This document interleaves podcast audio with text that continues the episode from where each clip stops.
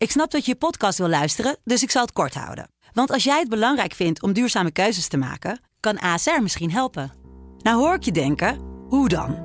Nou, bijvoorbeeld bij het duurzaam herstellen van schade. Of de premies die we beleggen volgens ons duurzaam beleggingsbeleid. Dat bepaalt waar we wel en juist niet in investeren. Wil je meer weten over welke duurzame keuzes ASR maakt? Ga dan naar asr.nl slash duurzame keuzes. ASR doet het. Zo, dan kan je nu lekker naar je podcast luisteren.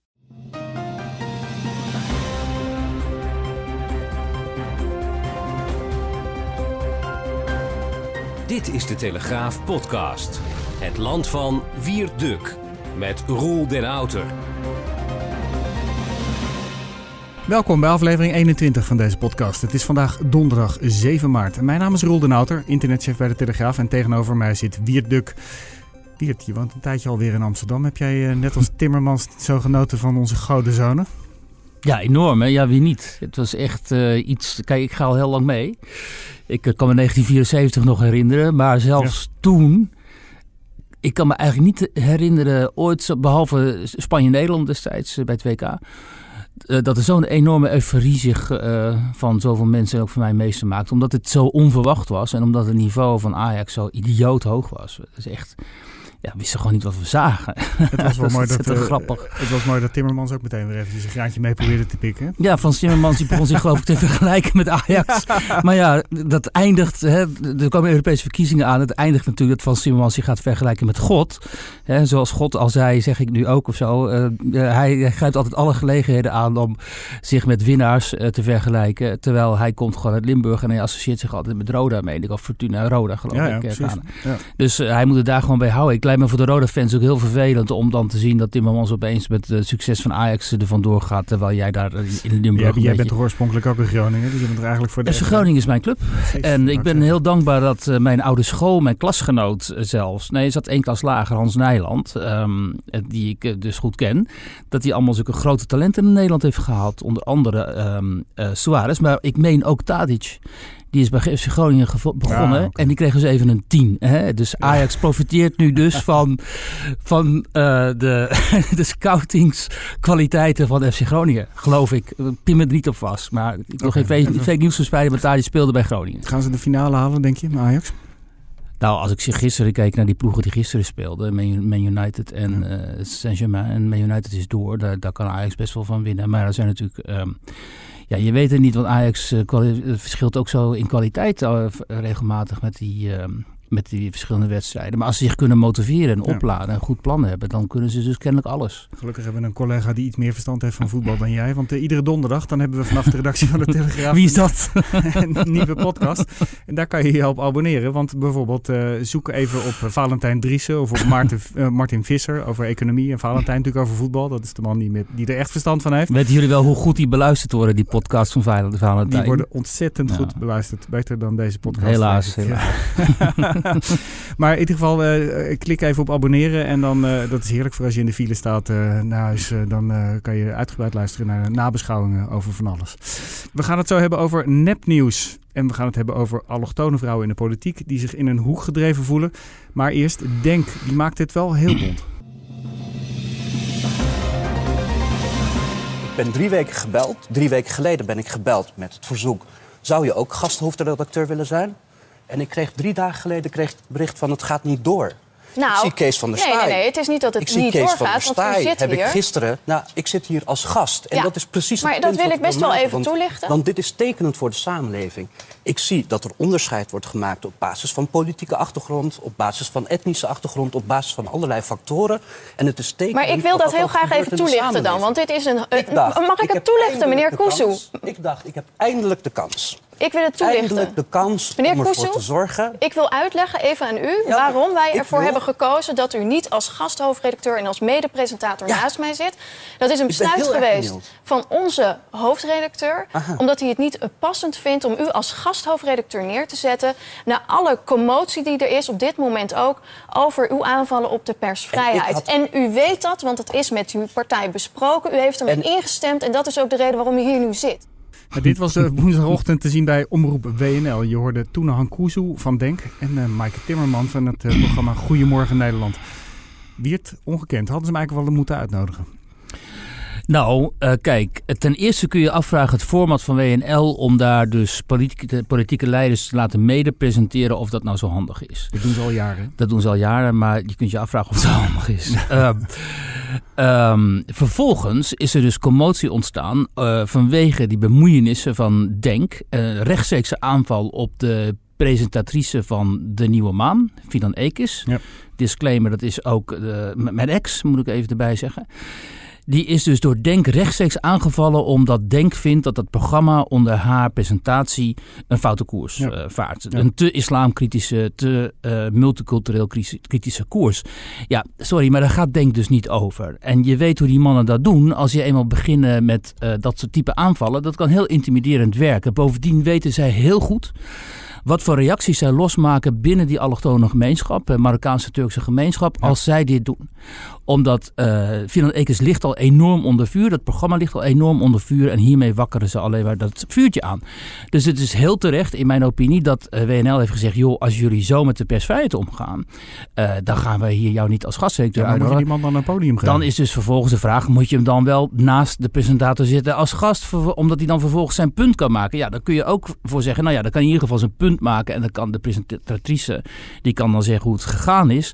Uh, het verdient er als geen schoonheidsprijs. Het verdient wel, voor Denk dan in dit geval, een politieke prijs. Want wat zij doen, ja. dat opstoken van dat vuur, ja, dat doen ze dus heel goed. Heel geraffineerd. Dat doen ze ook met hun eigen filmpjes. Uh, hun achterban die smult ervan.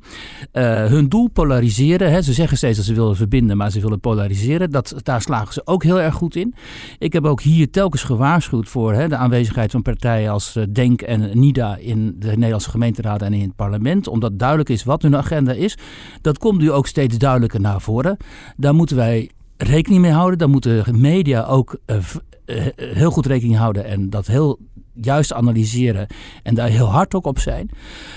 Uh, dat gebeurt niet vaak genoeg. Hè. Ja. Ze worden veel te vaak gedekt onder het mom van... oh ja, allochtonen zijn slachtoffers, moslims zijn altijd, altijd ja. de klos... dus we moeten hen ja, eigenlijk ze hebben, verdedigen. Ze hebben dat eigen kanalen, Denk TV. En uh, die, die video's die zie je vaak. Nou, na een debat in de Tweede Kamer... dan staat er een videootje op uh, Denk TV. En dan denk je, huh, heb ik dat was toch niet het debat. En daar ging het er eigenlijk helemaal niet over. Dus zij worden meteen in een soort van slachtofferrol, zetten ze zichzelf. Ja, ze, dat, ja. wat Kuzu hier dus ook deed. Hij, wist, hij was, wist heel goed waarom ze waren ausgeladen. Wat de Duitsers dan zeggen. Hè? Dan, ben je dus, dan word je dus, uh, de uitnodiging wordt ingetrokken. Dat wist hij natuurlijk heel goed. Maar daar aan tafel bij die uitzending gaat hij zeggen dat hij dat niet weet. En dat hij dat graag zal horen van de presentatrice en zo. Ja, god. Um, je hebt met hele geraffineerde trucs te maken. En daar moet je mee omgaan. De presentatrice die deed dat op zich volgens mij heel goed. Uh, maar dit is het spel dat zij spelen. Het gaat niet om de feiten en de waarheid. Het gaat om frame en om ja. uh, symboolpolitiek. Maar daar moet je dus anders op inspelen als omroep misschien. Dan moet je je op voorbereiden. Je weet dat dit gaat gebeuren. Je weet dat dit uh, gaat gebeuren. Hè? Wat ga je hier tegen doen? Uh, heel goed nadenken wie je precies een, een podium wilt bieden. Kijk, over Wilders zijn heel veel omroepen en media duidelijk. Hè? Die, dat... Um, en wilden ze ook trouwens over hen. Dus daar is een soort van cordon sanitair van beide kanten.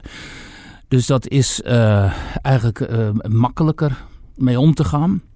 Met Denken, maar ook met Nida heb je hele nieuwe actoren in dit mediaspel. En, uh, en mijn analyse, mijn, op mijn, mijn advies zou zijn: wees beter op de hoogte van waar dit vandaan komt, wie deze mensen zijn, wat ja. hun agenda is en wat uiteindelijk hun hun doel is. En wees niet zo naïef, dat zou ik willen zeggen. Ja. Het is, dit is de politieke islam en ja. is onder ons. Maar ze hebben natuurlijk niet van een vreemde, want Wilders is ooit ook met een eigen kanaal begonnen. En die begon ook met knippen en plakken van filmpjes. Zij hebben hier eigenlijk ze hebben het een soort van een, een soort verbeterde of een slechtere versie hiervan gemaakt. Zij gaan natuurlijk nog veel stappen verder. Maar Wilders is natuurlijk ook wel een beetje mee begonnen.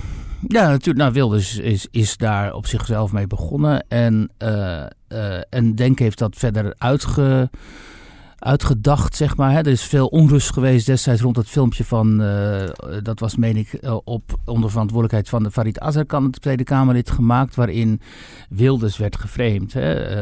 Ja. Op een hele valse manier. Dat is toen naar buiten gekomen ook. En dat was dus heel goed, want het is dus naar buiten gekomen... waardoor dat ingetrokken moest worden. En um, dus de journalistiek heeft daar goed werk gedaan... om, om duidelijk te maken van... kijk, dit zijn de methodes die zij gebruiken... en probeer daar tegen te weren.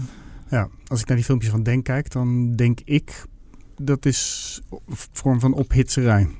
Wat denk, vind jij ervan? Wat... Nou ja, net wat ik zeg. Als je dus de, de, de, de scheiding, de scheidslijn in de samenleving zo scherp neerzet. En daar eigenlijk onder het mom van wij willen verbinden. Uh, eigenlijk polariseert en ophitst. Ja, dan, is dat, uh, dan grenst dat natuurlijk aan, uh, aan wat jij zegt. Maar goed, dit is dus. We hebben dit binnengehaald. De Partij van de Arbeid heeft dit destijds binnengehaald, Kuzu en Usturk. Uh, zij zijn nu een eigen politieke beweging. Dat is waarschijnlijk ook goed. Dan wordt duidelijk dat dit in Nederland bestaat en dat deze partij in de peiling op zeven, misschien nog wel meer zetels kan uitkomen. Dat is goed, dan is dat duidelijk. Dan is dat niet parle buiten parlementair en ergens in de wijken. Maar dan is dat voor iedereen zichtbaar. En dan moet het, is het aan ons en de, de reguliere media en andere politieke partijen.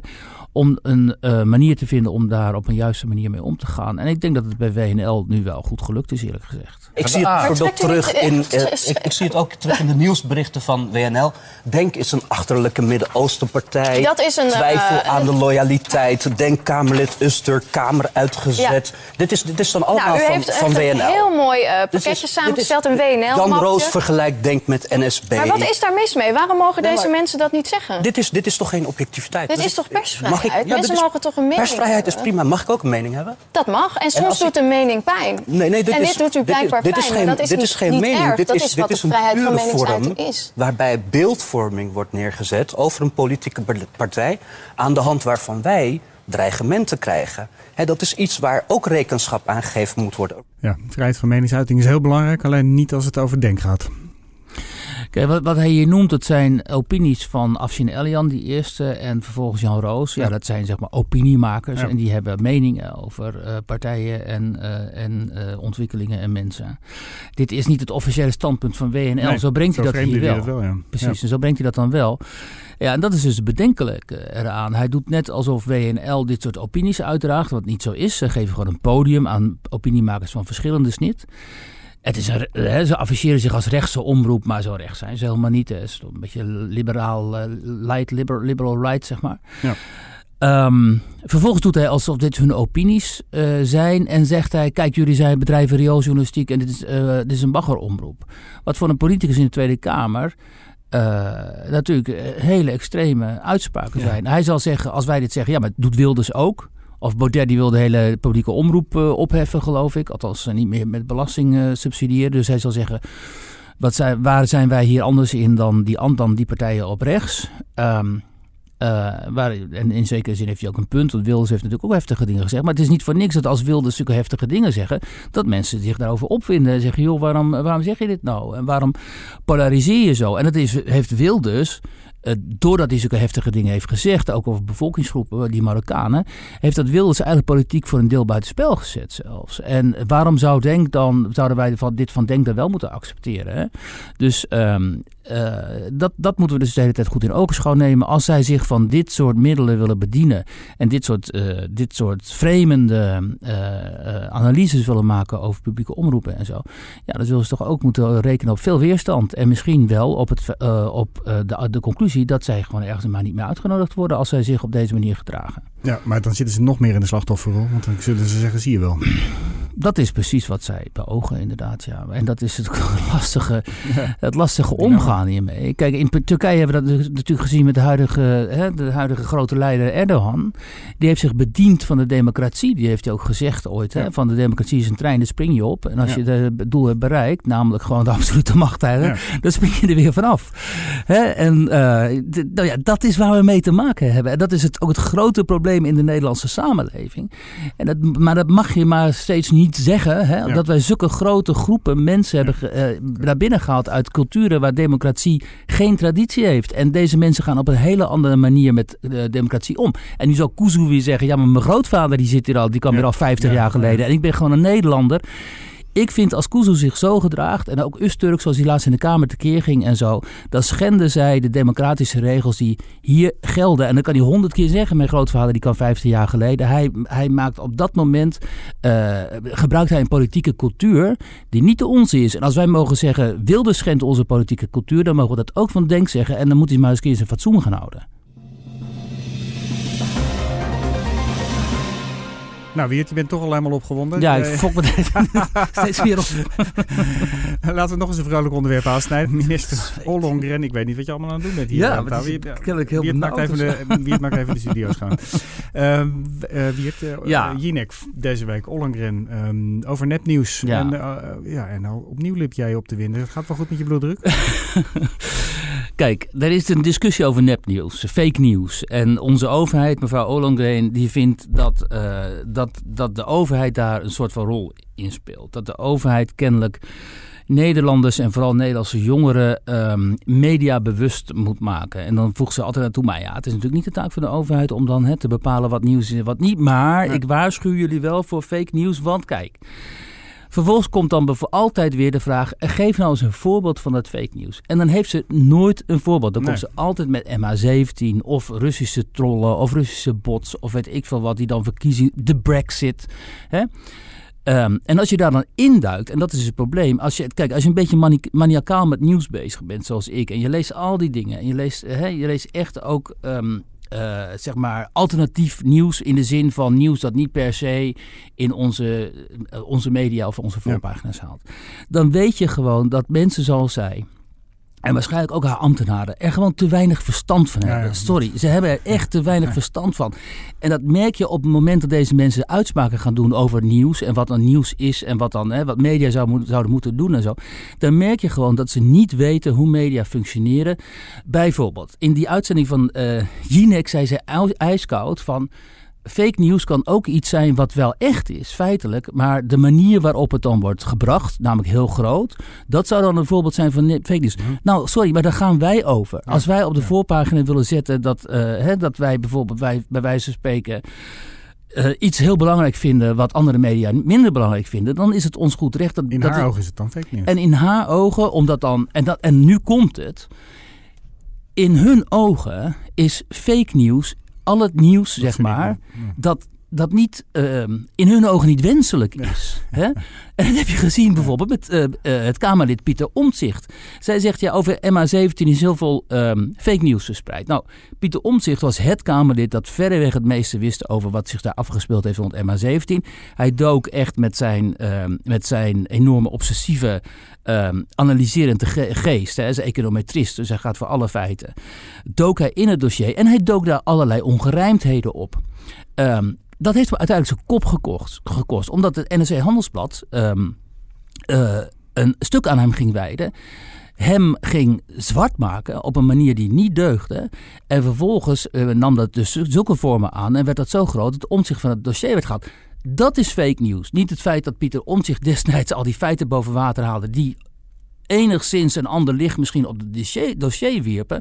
Hè, waarvan werd gezegd, kijk, Omtzigt die verspreidt fake nieuws. Dat was niet zo. Het feit dat hij zo geframed werd, waardoor hij uiteindelijk de- zijn, zijn positie kwijtgeraakt. Dat was het fake nieuws. Maar dat zul je deze mensen niet horen zeggen, omdat hen dat niet zo goed uitkomt. Dus mijn pleidooi is, blijf weg. Blijf weg van ons. Bemoei je niet met ons. Wij bepalen wel eh, wat het nieuws is. Als mensen dat niet, niet lusten, dan gaan ze maar naar een ander medium of dan gaan ze ergens anders eh, hè, zoeken wat ze willen zoeken. Maar die overheid, eh, zeker een overheid notabene, dat wil ik er nog aan toevoegen, die dan in gesprek gaat met de grote techbedrijven, zoals Google en Facebook en noem, maar op, Twitter. Eh, en dan zeggen ja, want die gaan, hè, gelukkig gaan die dan aan zelfregulatie doen. Nou, ik zeg je op Twitter als laatste voorbeeld. Als jij een filmpje van een onthoofding wil vinden door IS, dan vind je die op Twitter. Als jij eh, kritische eh, uitspraken doet over moslims of over de islam of over de multiculturele samenleving, dus uitspraken zeg maar, die geframed kunnen worden als rechts, dan lig je er binnen de kortste keren van af. De afgelopen week is het weer een paar mensen overkomen. En dat is dus niet gewoon niet objectief. Dan moet je of erbij allebei ervan afgooien. Hè? Want ik wil hier niet pleiten voor een of de ander. Dan moet je ze of allebei van afgooien, of je moet ze allebei laten staan. Ja. Alleen zullen anderen weer zeggen, eh, jij zegt nu ehm, fake nieuws, laat dat aan de media over om dat te beoordelen wat fake nieuws is. Er zullen ook een hoop mensen zeggen, ja, de, de mainstream media, als je die moet gaan, eh, gaan geloven. Nou, daarom, daar, heb je heel, eh, heb je helemaal gelijk in. Daarom is het ook zo belangrijk dat de mainstream media hun werk goed doen. Dat ze één been online hebben en heel goed weten wat er in die online community gebeurt, gemeenschap. Omdat daar heel veel nieuws te halen valt. En ook nieuws waarvan je denkt, wow, dit is echt heel erg interessant. En dit, staat, dit zien wij pas, dit zien wij niet in de mainstream media terug of pas veel later. Hè? Eh, en dat ze heel goed... ehm, hun bronnen checken. en dat ze inderdaad, wat ik zeg, bij, dat journalisten bijna maniacaal op dat nieuws zitten, omdat ze anders dingen ofwel missen, ofwel niet doorzien, of veel te gemakkelijk, en dat is eigenlijk mijn belangrijkste bezwaar, veel en veel te gemakkelijk meegaan in het, in het eh, discours, zoals het heet, het verhaal, dat hen wordt aangereikt vanuit de gevestigde orde, dus vanuit de overheid, vanuit het kabinet ook vooral. Je ziet veel te vaak dat journalisten klakkeloos overnemen wat het kabinet of wat de, coalitiepartijen hen aanreikt. Nu ook in dit geval met uh, Ollongren. Er zaten aan tafel bij Jinek een aantal journalisten, hè, Jinek en nog twee correspondenten van de NOS. Nou, ik hoorde ze niet hoor. Dus ik bedoel, als ik daar had gezeten, had ik echt, had ik echt wel dit gezegd wat ik nu zeg. Dan heb je ook betere tv trouwens. En je spreekt die, die, die minister dus aan op wat zij daar allemaal loopt te beweren. Want als je dus de, de, de iemand op Twitter heeft de tekst uh, gepubliceerd, dus de tekst van dat gesprek, daar is geen touw aan vastgekropen. Ze heeft gewoon echt geen punt. Ja, hier tot slot op jouw pagina vandaag in de Telegraaf. Daar staat dat uh, allochtone vrouwelijke politici vaak geïntimideerd en zelfs bedreigd worden omdat zij niet loyaal zouden zijn aan hun etnische of religieuze groep. Juist. Dat is dus een beetje vergelijkbaar wat uh, met uh, Willem X gebeurt. Hè? Die geïntimideerd wordt door Denk. En dit zijn Surinaamse-Hindoestaanse vrouwen. Een mevrouw uh, uit Den Haag die voor die partij van Richard de Mos in de raad zit, ex-PVV-lid. En uh, Sunita uh, Bihari van de SP in Apeldoorn. En vooral Sunita overkwam dat de afgelopen week. ze had een stuk um, uh, geliked, dus een stuk retweet, zeg maar, van Ronald van Raak. Dat is een collega van haar, is bekende SP'er. Die had op uh, de Post Online, dat wordt gezien als een rechtse website, had hij een stuk geschreven waarin hij zegt, ja luister eens, uh, sorry, Sylvana Simons en Denk, ja, die maken zich gewoon schuldig aan uh, discriminatie. En dat kwam omdat in de Amsterdamse Raad had een SP-lid iets gezegd. En toen zei een van de mensen van B1, dat is de partij van de, Sylvana Simons, dat ze haar mond moest houden, want zij is een cis-witte vrouw. Ja. Nou, ja. cis, dat weten we allemaal niet zo goed wat dat betekent, maar witte vrouw, dat weten we nog wel. En... Um, dus met andere woorden, als je een bepaalde huidskleur hebt of je bent heteroseksueel, dan moet je dus gewoon je mond houden in een bepaald debat. Nou, ja, dat is natuurlijk gewoon puur discriminatie. Elk mens met gezond verstand begrijpt, dit hier wordt gediscrimineerd. Alleen in die totaal krankzinnige wereld van de social justice warriors, zoals het heet, en de diversiteitsdenkers en andere uh, identiteitsdenkers, is dit dus geen discriminatie, omdat alleen witte mensen kunnen discrimineren, want die hebben privilege, privilege en die zijn altijd de macht hebben en die, zij discrimineren en minderheden discrimineren niet. Ja, want jij, jij introduceert daar een nieuwe term voor de telegraaflezers, denk ik, identiteitspolitiek. Misschien kan je dat eventjes in het kort uitleggen wat dat dan is. Want ja, is... dit is dus zo'n uitwas van dat, uh, die verschrikkelijke identiteitspolitiek waar we tegenwoordig mee te maken hebben. Dat is dat um, mensen geacht worden, ook politici en woordvoerders, die worden geacht om de belangen van de groep waaruit zij voortkomen uh, te verdedigen. Omdat uh, de idee is dat alle mensen die bijvoorbeeld zwart zijn of moslim, maar ook bijvoorbeeld witte mannen, hè, blanke witte mannen, dat die allemaal dezelfde belangen zouden ja. hebben. En dat ja. is dan vooral natuurlijk uh, gericht op minderheden. Dus ja. dan heb je het over hè, seksueel minderheden, dus uh, homoseksuelen, transgenders en zo, uh, moslims. Gekleurde mensen, die hebben allemaal in deze dominant witte samenleving waarin witte mannen zoals ik en jij de dienst zouden uitmaken, die hebben het allemaal verschrikkelijk moeilijk. Die zijn allemaal slachtoffer en al die gemeenschappen, die, hebben een, die zijn allemaal hetzelfde. Die mensen hebben eigenlijk allemaal hetzelfde belang. Uh, dus die moeten verdedigd worden. En ja. als je dan zwart bent en politicus, dan moet je hun belangen verdedigen. En als je moslim bent als politicus, nou kijk maar naar denken, dan moet je ja. hun belangen verdedigen. En het is natuurlijk totale kolder, ja. omdat wat Sunita Bihari in dat stuk met mij heel goed zegt. Van oké, okay, dus als er een welgestelde Surinamer hè, met, met een uh, fijne baan en een mooi huis, die mag dus tegen een blanke arbeider zeggen, uh, die klaagt over dat hij niet kan rondkomen. Joh, jij moet je mond houden, want je hebt white privilege. Ja, ja dat is natuurlijk flauwekul. En iedereen doorziet dat dit flauwekul is. En Sunita die, die durft dit te zeggen, want die heeft gewoon uh, kracht en power en zo. En wat ja, er toen gebeurde... Wat zeg je? Ja, dat levert natuurlijk heel veel kritiek op. En dat levert dus een storm van kritiek op uit die hoek. Echt ook een soort georganiseerde shitstorm, zoals wij dat noemen. Zo'n aanval op, uh, op, uh, op uh, internet. waarin ook geprobeerd werd om haar social media accounts te hacken en zo. Overkwam mij ook, want ik nam het voor haar op. En toen zag ik, kreeg ik op, ook op, opeens allemaal mails dat mijn Instagram, wat ik nooit gebruik, en Twitter en Facebook en zo, dat ik mijn, mijn wachtwoorden moest bijstellen en zo. Dus, en oh, ha, kijk, mij overkomt het regelmatig. Dus, en dat in een week dat Does Lief als sierencampagne in de, in de wereld is. Ja, ja, dat is een hele goede opmerking. Want inderdaad, dit was precies in die week. Nou, Ja. deze mensen deden dus helemaal niet. Dan zie je dus wat de sierencampagne van totale onzin is. Want deze mensen deden helemaal niet lief. Die gingen eh zo niet enorm framen en beledigen en beschimpen. En voor racisten uitmaken en huisslaaf en dat soort zaken en zo. Oh ja, dat is ook heel snel. Hè? Huisslaaf wordt heel snel genoemd. En Bounty. En eh, de collega uit Den Haag, Janice Roepram, die daar voor die partij van eh, Richard de Mos in de raad zit, die overkomt hetzelfde. Die had op een gegeven moment eh, had het opgenomen voor een, een hindoe-tempel daar, die door Marokkaanse jongeren was gevandaliseerd. Dus er waren stenen tegen eruit gegooid en eieren en zo. Mensen waren lastiggevallen. Ja, en die krijgt dan vervolgens de opmerking van, ja, je bent een islamhater. Terwijl, daar gaat het even niet over. Het gaat over die jongeren die niet opgevoed zijn en die gaan daar die moskee, of die, sorry, die tempel bekogelen, weet je wel. En dit alles bemoeilijkt het debat zo enorm. En eh, dat, daar- je zou hopen dat daar een einde aan komt. Eh, daar gaat geen einde aan komen. Dit wordt alleen nog maar gekker natuurlijk. En het, eh, ook het hele bedenkelijke is dat deze mensen die zo overduidelijk discrimineren en agressief zijn. Zo vanuit de academische wereld, hè, door vooral ook blanke mannen, zo enorm gesteund worden. Hè? Want die zien hen als, oh die zielige slachtoffers, we gaan hen helpen. En, Een soort van zelfhaat is er aan het ontstaan. Hè? ja, er ontstaat een soort van zelfhaat bij die mensen. Hè, en alles wat, eh, wat, eh, wat dan ook zo, sowieso, alles wat de Telegraaf doet en wat Viaduct doet en zo. Dat moet natuurlijk allemaal, hè, dat moet naar de diepste grocht, krochten van de hel worden verwezen en zo. Ehm, Maar Maar toch ja- nog, even, nog even over Does Lief. Hè? Ja. Want ehm, het, idee, het idee achter die campagne is toch best oké. Nou ja, het idee achter die campagne is dat dit soort zaken dus worden teruggedrongen en dat mensen eens een keer fatsoenlijk met elkaar in debat gaan. En, eh, Maar jij noemt het net een idiote campagne. Maar... Ja, omdat het, omdat het kijk mensen, eh, het, zal geen, het zal geen succes worden en het zal geen gevolgen hebben. Ongetwijfeld is er bij- een groep mensen de behoefte om wat fatsoenlijker te doen en wat minder Ja. op elkaar in te hakken. Maar die mensen zijn volgens mij al lang van die social media af, in ieder geval van dat, van dat eh, Twitter. En aan, maar aan de andere kant is de samenleving zo gepolariseerd, daar hebben wij het hier nu vandaag de hele Ja. tijd over, Ja. dat dit eh, niet zomaar eh, is uit te wissen natuurlijk. En al helemaal niet met een eh sierencampagne. Maar ja, je mag hopen dat deze groep mensen bij zinnen komt. Of, de- of dat ze zo gek blijven als dat ze zijn. Maar dat ze dan in ieder geval politiek niet groter worden. En marginaal zullen blijven. Ja. Want we hebben het toch eigenlijk over sectarische neigingen natuurlijk. hè. Misschien moeten we eens een keer een podcast wijden aan al die eh, reacties die jij elke keer over je heen krijgt. Om eens even te aan te tonen hoe eh, lief Nederland is, of niet. Ja, dat, kijk, de, de, het grootste deel daarvan zie ik al lang niet meer, want het is allemaal geblokt. Maar dan krijg ik weer een, een hint van iemand van die zegt van... joh, de- men is weer alweer uren met jou bezig. En dan Ja. zijn ze weer ergens in de krochten van internet eh, op mij aan het schelden en zo. En ja, god, dat zal allemaal wel. Maar wat ik wilde zeggen, kijk, ik, de eerste keer dat mij het overkwam, zo'n shitstorm, toen schrok ik enorm. En toen had ik ook de neiging, net zoals Sunita Bihari, om mij te gaan verdedigen. Ja. Maar dat, heeft, dat is zinloos, want die Nee. mensen willen helemaal niet met, met jou in gesprek. Nee. Die willen jou alleen maar uitschelden. Ja. Dus, eh, en kijk, nu ben ik het wel gewend en trek ik me er niks meer van aan.